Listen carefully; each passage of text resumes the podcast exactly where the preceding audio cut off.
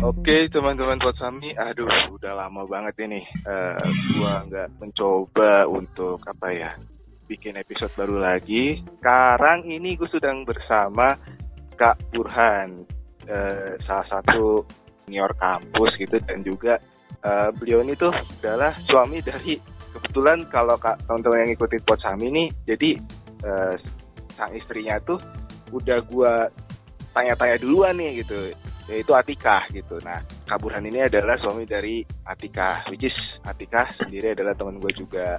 Nah, sekarang gue udah tersambung sama Kaburhan nih ya. Halo Kaburhan, Assalamualaikum. Uh, halo Alvin, Waalaikumsalam warahmatullahi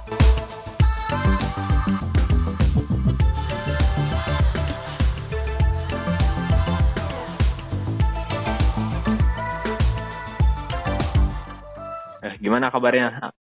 Vin? Alhamdulillah saya baik. baik. Ah, oke okay, oke okay, siap. Kaburan sendiri gimana kak? Alhamdulillah kondisi uh, baik di apa ya? Secara kesehatan juga alhamdulillah baik gitu.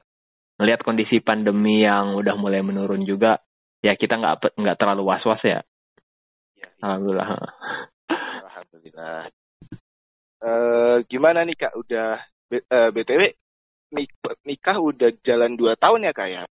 Perjalanan satu tahun lebih lah, satu tahun lebih lah, menuju menuju dua tahun, menuju. oh, alhamdulillah. menuju dua tahun. Ya masih belajar lah, karena yeah. kalau prinsip saya itu pernikahan itu ya proses belajar, proses saling belajar lah, kayak gitu. Benar sih kak, benar. Jadi uh, hari ini boleh ya aku ganggu, ah. aku ganggu, aku tanya-tanya gitu ya seputar gimana sih uh, cara kita nih sebagai mungkin anak muda atau orang yang sudah siap matang secara mental maupun fisik gitu untuk berumah tangga gitu ya. Mungkin singkatnya adalah how to uh, berumah tangga 101 ya kan. 101 itu kan ah, ah ya. Gitu kan. Betul betul. Uh. Iya. Aku mulai pertanyaan dari ini aja kali ya Kak ya. Gimana sih maksud secara pribadi gitu kan kita sama-sama uh, cowok gitu kan ya Kak. Makanya aku kayak disarankan juga sama Tika juga coba deh uh, diskusi sama Kak Burhan gitu. Nah gini, uh, yang pertanyaannya adalah gimana sih cara mempersiapkan diri kita gitu sebagai laki-laki gitu ya untuk menikah dan nantinya kan akan panjang gitu ya urusannya gitu anak dengan istri dengan uh, masyarakat. Iya iya. Itu dulu sih kak. Iya. -hmm. Kalau ngelihat dari temanya sendiri ya lebih ke gimana ya uh, ini dari sudut pandang laki-laki ya.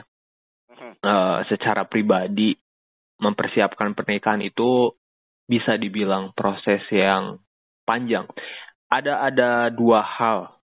Yang pertama kadang orang uh, bilang kok buru-buru nikah. Pertama buru-buru, yang kedua menyegerakan. Dua hal yang berbeda gitu. Kalau istilah orang yang buru-buru nikah itu dia secara kesiapan pribadinya mau dia umurnya itu 30 tahun, 40 tahun, tapi kalau dia persiapan secara mental, secara ilmu, secara finansialnya belum dipersiapkan, tetapi secara umur udah 40, terus dia nikah, itu dibilang buru-buru. Kenapa? Karena dia belum punya persiapan. Tapi kalau menyegerakan, menyegerakan ini tuh sebetulnya dia udah persiapan uh, dari jauh-jauh hari. Gak masalah umurnya misalkan masih 20 tahun, 25 tahun, tapi uh, secara fisik, secara mental, secara emosional, bahkan secara finansial mungkin dia dari umur uh, 15, dari umur 17 itu udah mulai mempersiapkan gitu. Jadi bukan perihal umur ya kalau ditanya terkait kesiapan pernikahan gitu. Dita, kalau kita bahas tentang gimana sih sebagai anak muda gitu atau misalkan yang udah mau menuju ke arah pernikahan untuk uh, nyiapin gitu gimana sih supaya kita siap gitu. Pertama sih kalau uh, yang saya alamin gitu secara pribadi yang pertama betul-betul harus disiapin itu kesiapan mental kita gitu dalam hal ini tuh uh, pernikahan kan kita ngelihatnya itu uh, saya buat analogi itu kayak kita ngebangun rumah gitu ya. Makanya ada dinamakan rumah tangga ya kan. Ya, betul. Nah, nah kita ambil analogi dari kata uh, rumah itu. Wujud rumah itu kan tidak lang nggak langsung ujuk-ujuk langsung jadi rumah kan. Yang pertama uh, ketika ngebangun rumah itu hal yang paling dasar itu ngebangun fondasinya. Kan kalau di rumah kan bikin fondasi, fondasinya apakah mau pakai paku bumi, apakah mau pakai ceker ayam, apakah mau fondasi apa gitu. Itu yang akan nentuin seberapa kuat rumahnya nanti. Kita analogikan ke pernikahan, uh, fondasi pernikahan yang paling penting itu yang pertama dalam dari diri sendiri dulu.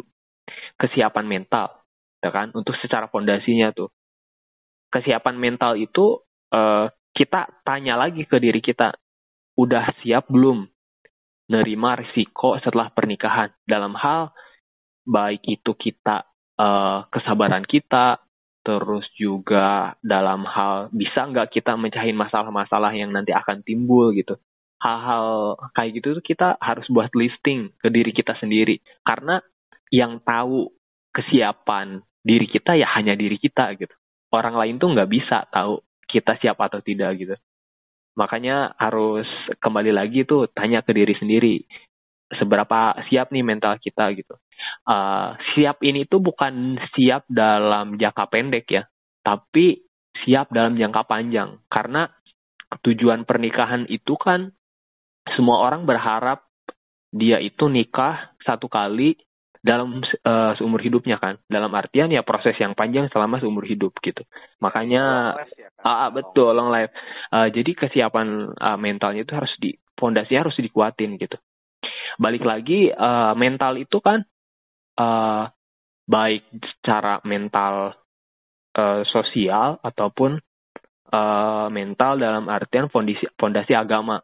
Kalau mungkin orang-orang uh, apa ya yang mau menikah itu ya tanya lagi ke dirinya sendiri. Uh, secara agama, apakah dia udah siap apa belum gitu? Seberapa kuat pemahaman dia uh, tentang agama? Uh, gak usah muluk-muluk, uh, uh, lebih ke apa ya? Siap gak nanti ngajarin istrinya? Siap gak nanti ngajarin anaknya? Karena ketika nanti sudah nikah gitu, dalam Islam itu ketika istrinya apa ya gak sholat gitu. Contoh lah kalau dalam hal sholat istrinya gak sholat uh, suaminya gak ngingetin atau gak pernah ngingetin ya suaminya kebagian dosanya gitu. Jadi uh, karena posisinya si suami ini tuh nah koda di rumah tangga itu kan. Nah itu tuh. Nah balik lagi ke analogi yang uh, rumah gitu kan. Setelah fondasi secara uh, emosional eh, mentalnya disiapkan terus balik lagi uh, ada fondasi selanjutnya yaitu fondasi emosional. Fondasi emosional itu gimana responnya dia ketika um, mengelola uh, emosi dengan baik. Dalam artian ketika udah nikah ataupun ketika siap untuk nikah itu uh, kita itu udah dewasa belum gitu.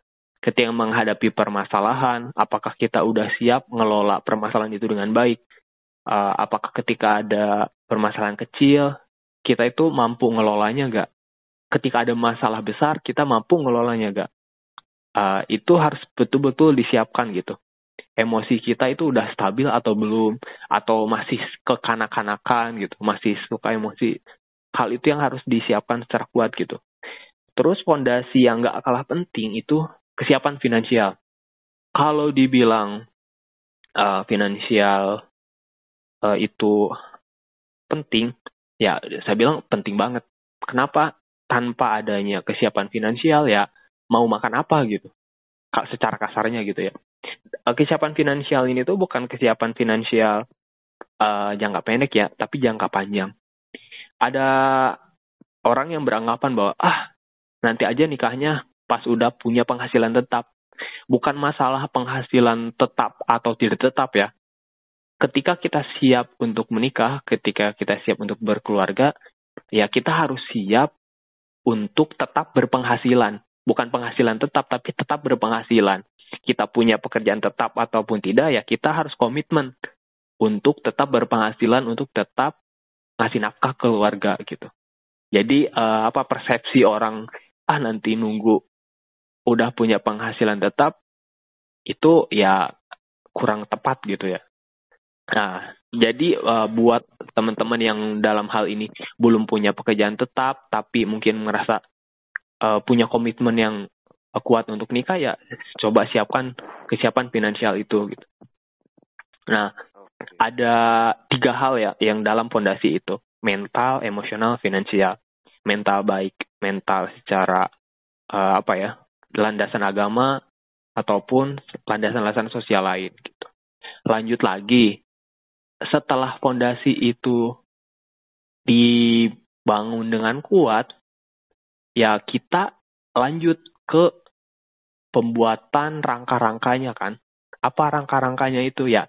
Mulai tuh setelah kita ngerasa pondasi kita itu udah cukup gitu kuat gitu. Baru nanti rangkanya, rangkanya itu dalam artian nanti kita siapkan kita mau tinggal di mana, kita mau nikah dengan siapa, terus kita mau menjalani pernikahan kayak gimana, kita mau punya anak berapa, itu mulai di apa ya namanya, mulai disusun gitu supaya uh, perencanaan pernikahan itu bisa dibuat sejauh mungkin kayak gitu. Itu uh, dua hal dulu deh yang uh, saya bahas gitu. Coba ada apa lagi kira-kira? Itu udah banyak banget ya kan? Iya. oh, udah awal ya. Mungkin aku boleh balik lagi ke poin terkait hal persiapan gitu. Hmm. Jadi ternyata beda ya kayak buru-buru sama menyegerakan itu. Iya betul beda banget. Dan apa ya? Uh, alasan finansial tadi itu kadang-kadang itu orang jadi landasan kayak antar dulu deh nikahnya gitu nunggu mapan dulu nunggu ada uang dulu gitu makanya kalau uh, saya pernah dengar juga gitu ya katanya kalau nunggu mapan dulu ya kapan kelar ya kapan ininya kapan kalau nunggu istilahnya nunggu ideal ya ya nggak maju-maju gitu ya kapan mau nikahnya kapan mau realisasinya gitu ya kak ya. Betul betul betul. Yang situ. Jadi uh, kesiapan finansial itu ya nggak nggak mesti perfeksionis gitu nggak mesti harus nunggu sempurna gitu. Justru pernikahan itu ya awal kita menuju kemapanan gitu. Jadi secara umur itu memang sudah uh, secara umur berdasarkan agama dan negara itu sudah sah betul dan tidak terlalu apa ya terlalu tua gitu terlalu melampau gitu kan iya. jadi ya harus dikejar gitu. Ya, iya betul. Nunggu apa lagi gitu. Nunggu ya, apa lagi betul betul betul. Apalagi ngelihat kondisi sekarang ya uh, apa ya pemuda-pemuda sekarang yang uh, dengan alasan oh belum siap secara finansial, tetapi uh, di luar itu mereka udah mulai pacaran, udah mulai apa ya kenal nah, sama perempuan. Iya, iya, Justru iya, iya. Uh, apa ya mereka nggak akan siap-siap secara finansial karena uangnya habis dipakai uh, buat pacaran mungkin justru malah dia nggak punya tabungan gitu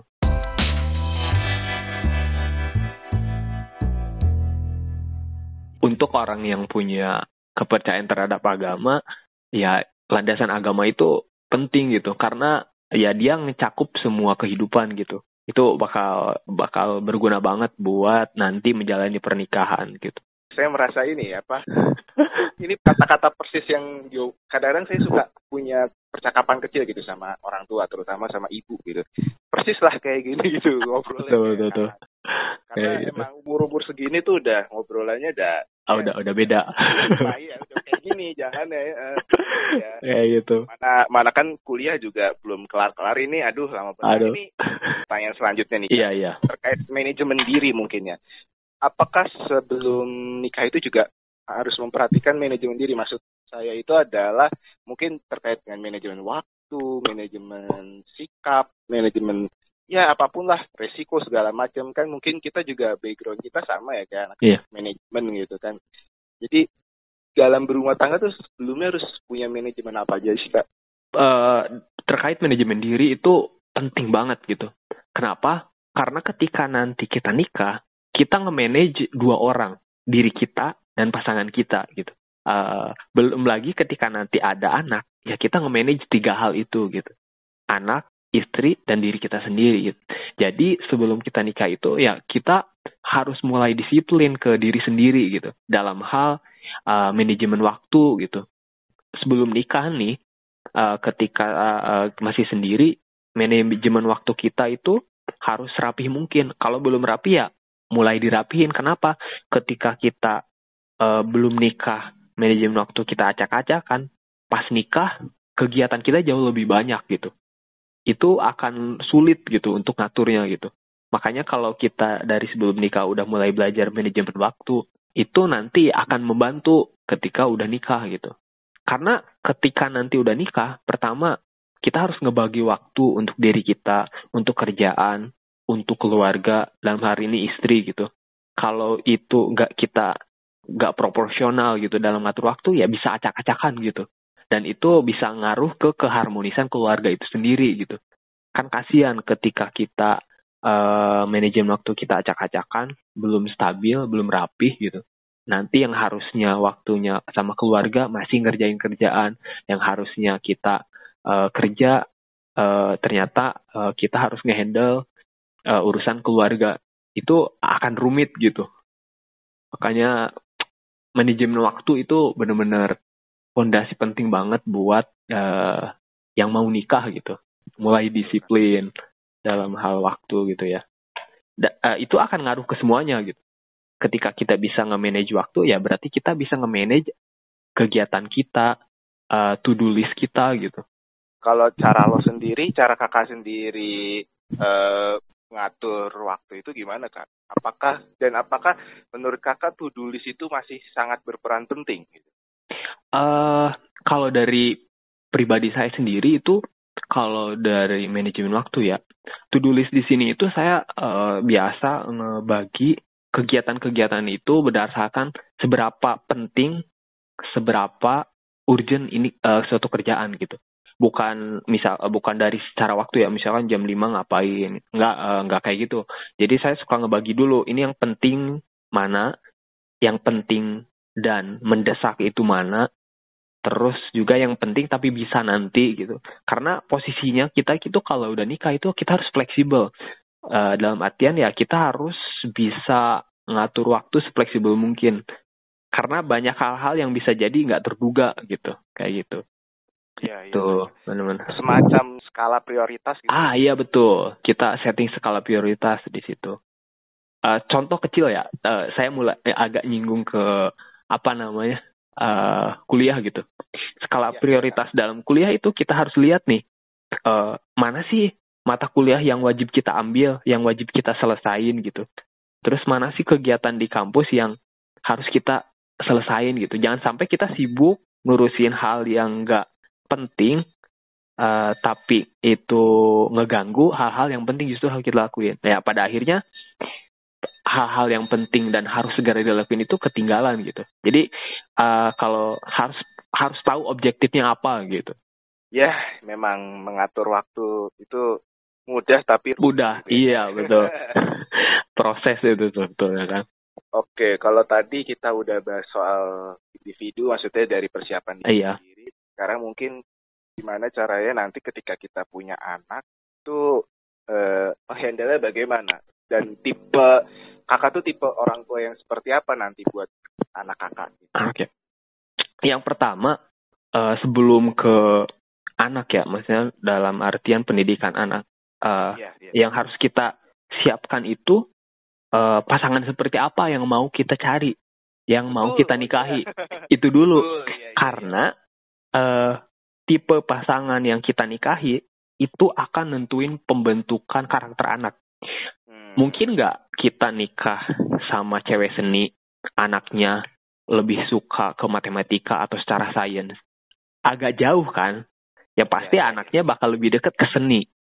Itu kan. Nah, di situ. Jadi eh, kita yang harus kita siapin itu kita nih pengen punya anak, pengen punya keluarga ke arah mana? Dan karakter yang mendekati itu yang kita harus cari calonnya seperti itu kayak gitu.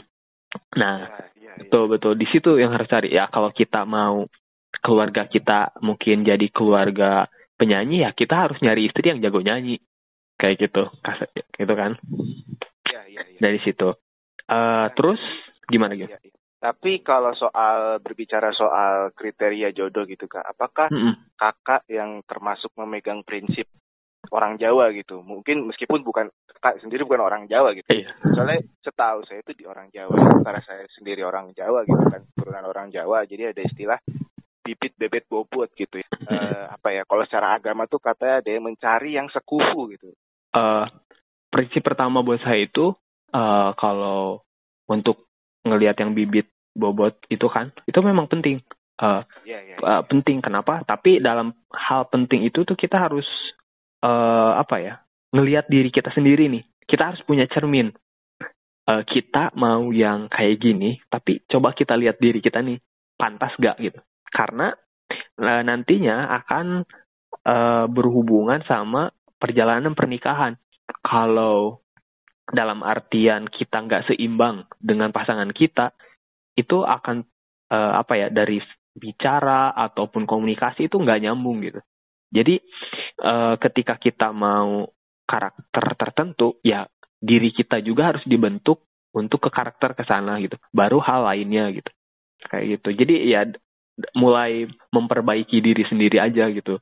Nanti pun ya secara tidak langsung kita akan ketemu jodoh yang sesuai dengan kriteria diri kita sendiri. Barulah nanti dicocokkanlah itu dari keluarga kah apakah dia punya garis keturunan keluarga yang baik ataupun uh, kondisi yang baik. Nah, hal-hal lain lah gitu. Cuman yang paling pentingnya itu balik lagi ke diri kita seberapa siap seberapa kuat dan seberapa mirip karakter yang kita inginkan dengan diri kita kayak gitu. Iya, ya, itu itu udah mencakup semua jawaban yang saya pikirkan gitu ya. Iya betul. Sangat, sangat luas sekali ya, ya, ya. Dari situ. Insightful banget gitu ya. Betul. Kadang nih orang ketika cari jodoh gitu, dia fokus ke ke jodoh yang dia cari gitu. Kadang ada beberapa orang dan mungkin banyak juga orang yang wah nyari gini nggak ketemu nggak cocok uh, misalkan ganti lagi, gak cocok ganti lagi, dia nggak sadar diri dia sendiri tuh nggak diperbaiki gitu. Nah makanya lebih fokus ke memperbaiki diri dulu. Setelah kita merasa cukup, nah baru kita fokus ke apa yang kita cari kayak gitu. Kalau soal memperbaiki diri, pernah nggak sih kak e, ngerasa overthinking gitu apa ya? Kerasa kayak e, eh, gue tuh nggak berguna banget, pernah berasa di titik paling terbawah gitu nggak dalam hidup? Kalau terkait itu ya, setiap orang mungkin pernah ngerasain ada di titik terendahnya gitu ya. Kalau diri saya itu ketika uh, ada di posisi pertama kali lulus, ya kan? Uh, pertama ya, dari pertama kali lulus, dari situ uh, apa ya? Mulai bingung sebetulnya saya tuh cari tujuan ini mau ke mana, mau ngapain gitu. Karena ya salah satu pembelajaran yang harus harus disiapkan gitu, terutama teman-teman yang belum lulus gitu. Itu uh, harus nyiapin karir pet kalian itu mau ke arah mana gitu. Betul, betul itu harus disiapin. Kenapa? Jangan sampai ketika nanti udah lulus, bingung mau ngapain, bingung mau ke mana. Uh, itu kayak benar-benar ketika abis lulus itu bukan bukan apa ya bukan seneng. Ya seneng sih dalam hal oh, lulus gitu. Tapi kayak ngerasa ada di titik terendah karena bingung belum tahu tujuan saya mau ke mana. Dan itu kayak hal yang benar-benar ngebuat saya tuh mau pulang ke kampung nggak enak mau terus di Jakarta juga masih belum tahu gitu masih iya, iya. ngelamar-lamar. Iya apalagi perantau ya kayak ya. betul betul. Itu wah itu kayak ngerasa apa ya benar-benar ada di titik terendah tuh betul gitu di situ. Pas lulus dan belum tahu tujuan mau ke mana. Kayak gitu. Beruntung sih saya apa ya eh, rumah yang tidak terlalu jauh kuliah dengan rumah tuh tidak terlalu jauh meskipun udah beda provinsi gitu kan iya. Ciledug kuliah di Jakarta Timur gitu ah, iya. pergi gitu kan nggak kos sama ah, sekali sampai sekarang sampai sekarang ya wah luar biasa iya. Oke lah, kayaknya Kayak gitu. udah panjang juga nih, takutnya ke mana-mana ya. Mm-hmm. Mungkin Kak Burhan ada closing statement nggak itu atau misalkan ada yang mau disampaikan oh. teman-teman gitu terakhir? Iya, kalau ngebahas dari uh, tema awal kita gitu ya ke, tentang kesiapan untuk ngebangun keluarga itu, saya ngerangkumnya itu ada enam hal gitu yang betul-betul harus kita siapin gitu uh, dalam ngebangun keluarga di era sekarang ini gitu. Yang pertama itu yang tadi saya sebutin, itu kesiapan mental kita, baik mental secara pribadi, agama ataupun sosial gitu. Yang kedua, kesiapan emosional kita seperti apa gitu. Terus juga yang ketiga yang tadi saya bahas tentang kesiapan finansial yang gak kalah penting. Prinsipnya itu kita tetap berpenghasilan, bukan berpatokan pada penghasilan tetap, gitu kan? Kan, ya. kan beda kan? Nah, penghasil tetap berpenghasilan. Ketika kita nikah, ketika kita mau nikah, kita komitmen untuk tetap berpenghasilan. Yang keempat, kenali diri sendiri secara menyeluruh. Kemudian kenali pasangan secara menyeluruh gitu. Uh, ini akan ngebuat uh, perjalanan pernikahan itu uh, dipermudah gitu. Karena kita udah kenal diri kita sendiri, kemudian kita kenal pasangan, ya kita akan tahu gimana ngerespon kondisi gitu. Kalau kita nggak tahu diri kita sendiri, ya gimana kita mau menghadapi pasangan gitu. Yang selanjutnya, kesiapan secara kesehatan fisik. Ini nggak jauh, nggak uh, kalah penting gitu. Kenapa? Ketika kita mau nikah, pastiin diri kita itu betul-betul sehat. Gak sedikit orang yang nikah tapi uh, apa namanya kesehatan fisik dia nggak diperhatiin, sering begadang, sering apa ya akhirnya akibat buruk ke kesehatan dia bahkan kesehatan pasangan dan bahkan mungkin ya ada beberapa pasangan yang mungkin belum dikasih keturunan mungkin ya terkait ya. keturunan itu memang rezeki dari Allah Subhanahu wa taala gitu. Tapi Betul. secara ikhtiar manusia ya kita harus nyiapin diri kita sesehat mungkin kayak gitu kan. Ya. Aset sedari muda gitu ya kayak. Ya? Betul. Makanya ketika saya belum sebelum nikah, saya sama istri itu komitmen untuk saling ngecek kesehatan masing-masing. Karena itu penting. Uh -uh. Jadi uh, mungkin ya tips ya buat teman-teman yang mau nikah, uh, itu ya udah silahkan uh, ke dokter untuk medical dan medical check up keseluruhan uh, baik kita sama pasangan kita kayak gitu. Betul. Uh, untuk yang selanjutnya itu kesiapan keluarga. Gimana sih kesiapan keluarga? Kesiapan keluarga itu tuh kan kita nikah itu nyatuin dua keluarga yang berbeda, dua etnis yang berbeda. Kalau beda etnis ya, dua ya. background yang berbeda. Nah di sini uh, karena nggak sedikit nih yang dia itu keluarganya belum siap memaksakan gitu kan. Nggak saling paham antar keluarga masing-masing ya akhirnya bubar gitu. Karena nggak sedikit yang pasangannya itu bubar gara-gara dari keluarga ini tuh uh, ada omongan gimana gimana sedangkan dia belum siap gitu. Uh, uh, uh. makanya kita pastiin tuh uh, harus adanya saling support antar keluarga jadi kalau udah nikah itu suami harus fokus ke keluarganya istri. Istri harus fokus ke keluarganya suami. Kenapa? Supaya nggak ada saling iri. Jadi kalau saya bilang itu kayak saling silang gitu. Hmm. Saling silang. Jadi sama-sama ngerasa diperhatiin gitu. Jangan sampai ada kata-kata bahwa ah uh, dia mah uh, apa namanya udah nikah gitu kan keluarga nggak diperhatiin atau misalkan ah menantu saya mah Eh, nggak uh, perhatian bagaimana. Jadi jangan sampai ada kata-kata kayak gitu dan jangan sampai hubungan antar keluarga itu jadi nggak bagus gitu. Makanya bagi peran supaya uh, perhatian terhadap keluarga masing-masing juga tetap terjaga kayak gitu. Wah gitu ya teman-teman ya yang buat mau nikah, yang udah mau semangat banget deh ya. Uh, itu tadi ada beberapa poin-poin kita yang nggak boleh apa ya sedikit pun terlupakan gitu. Dan buat Kaburan terima kasih Kak udah Siap. mau sharing, udah mau berbagi pengalaman-pengalaman pernikahannya bersama Atika gitu ya. Salam juga ya Kak buat Atikahnya juga gitu. Oke okay, oke okay, siap siap nanti saya saling. Uh, uh, satu hal mungkin ya uh, sebelum ditutup ya sebelum ditutup boleh, boleh, boleh. Uh, sebelum ditutup buat teman-teman yang mau nikah gitu kan ya siapkan secara maksimal gitu tentuin tujuan pernikahan itu ya buat kalau untuk yang Islam ini ya nge ngegapai ridhonya Allah Subhanahu wa taala gitu. Ketika kita ngeharapin ridhonya Allah, ya tantangan seberat apa pun ya kita akan enjoy-enjoy aja ngadepinnya kayak gitu. Ya, terima kasih banyak ya Kak. Sukses terlalu. Semoga pekerjaannya selalu lancar ya Kak. Amin, amin. Siap, siap, siap. Buat podcasternya juga, mudah-mudahan segera selesai kuliahnya. Amin ya kak, amin. Terima kasih. Buat teman-teman yang nggak denger nih, yang belum selesai kuliahnya, ya mudah-mudahan segera selesai gitu. Fokus kalian sekarang itu ya selesaiin kuliah, baru nanti fokus ke hal yang lain gitu.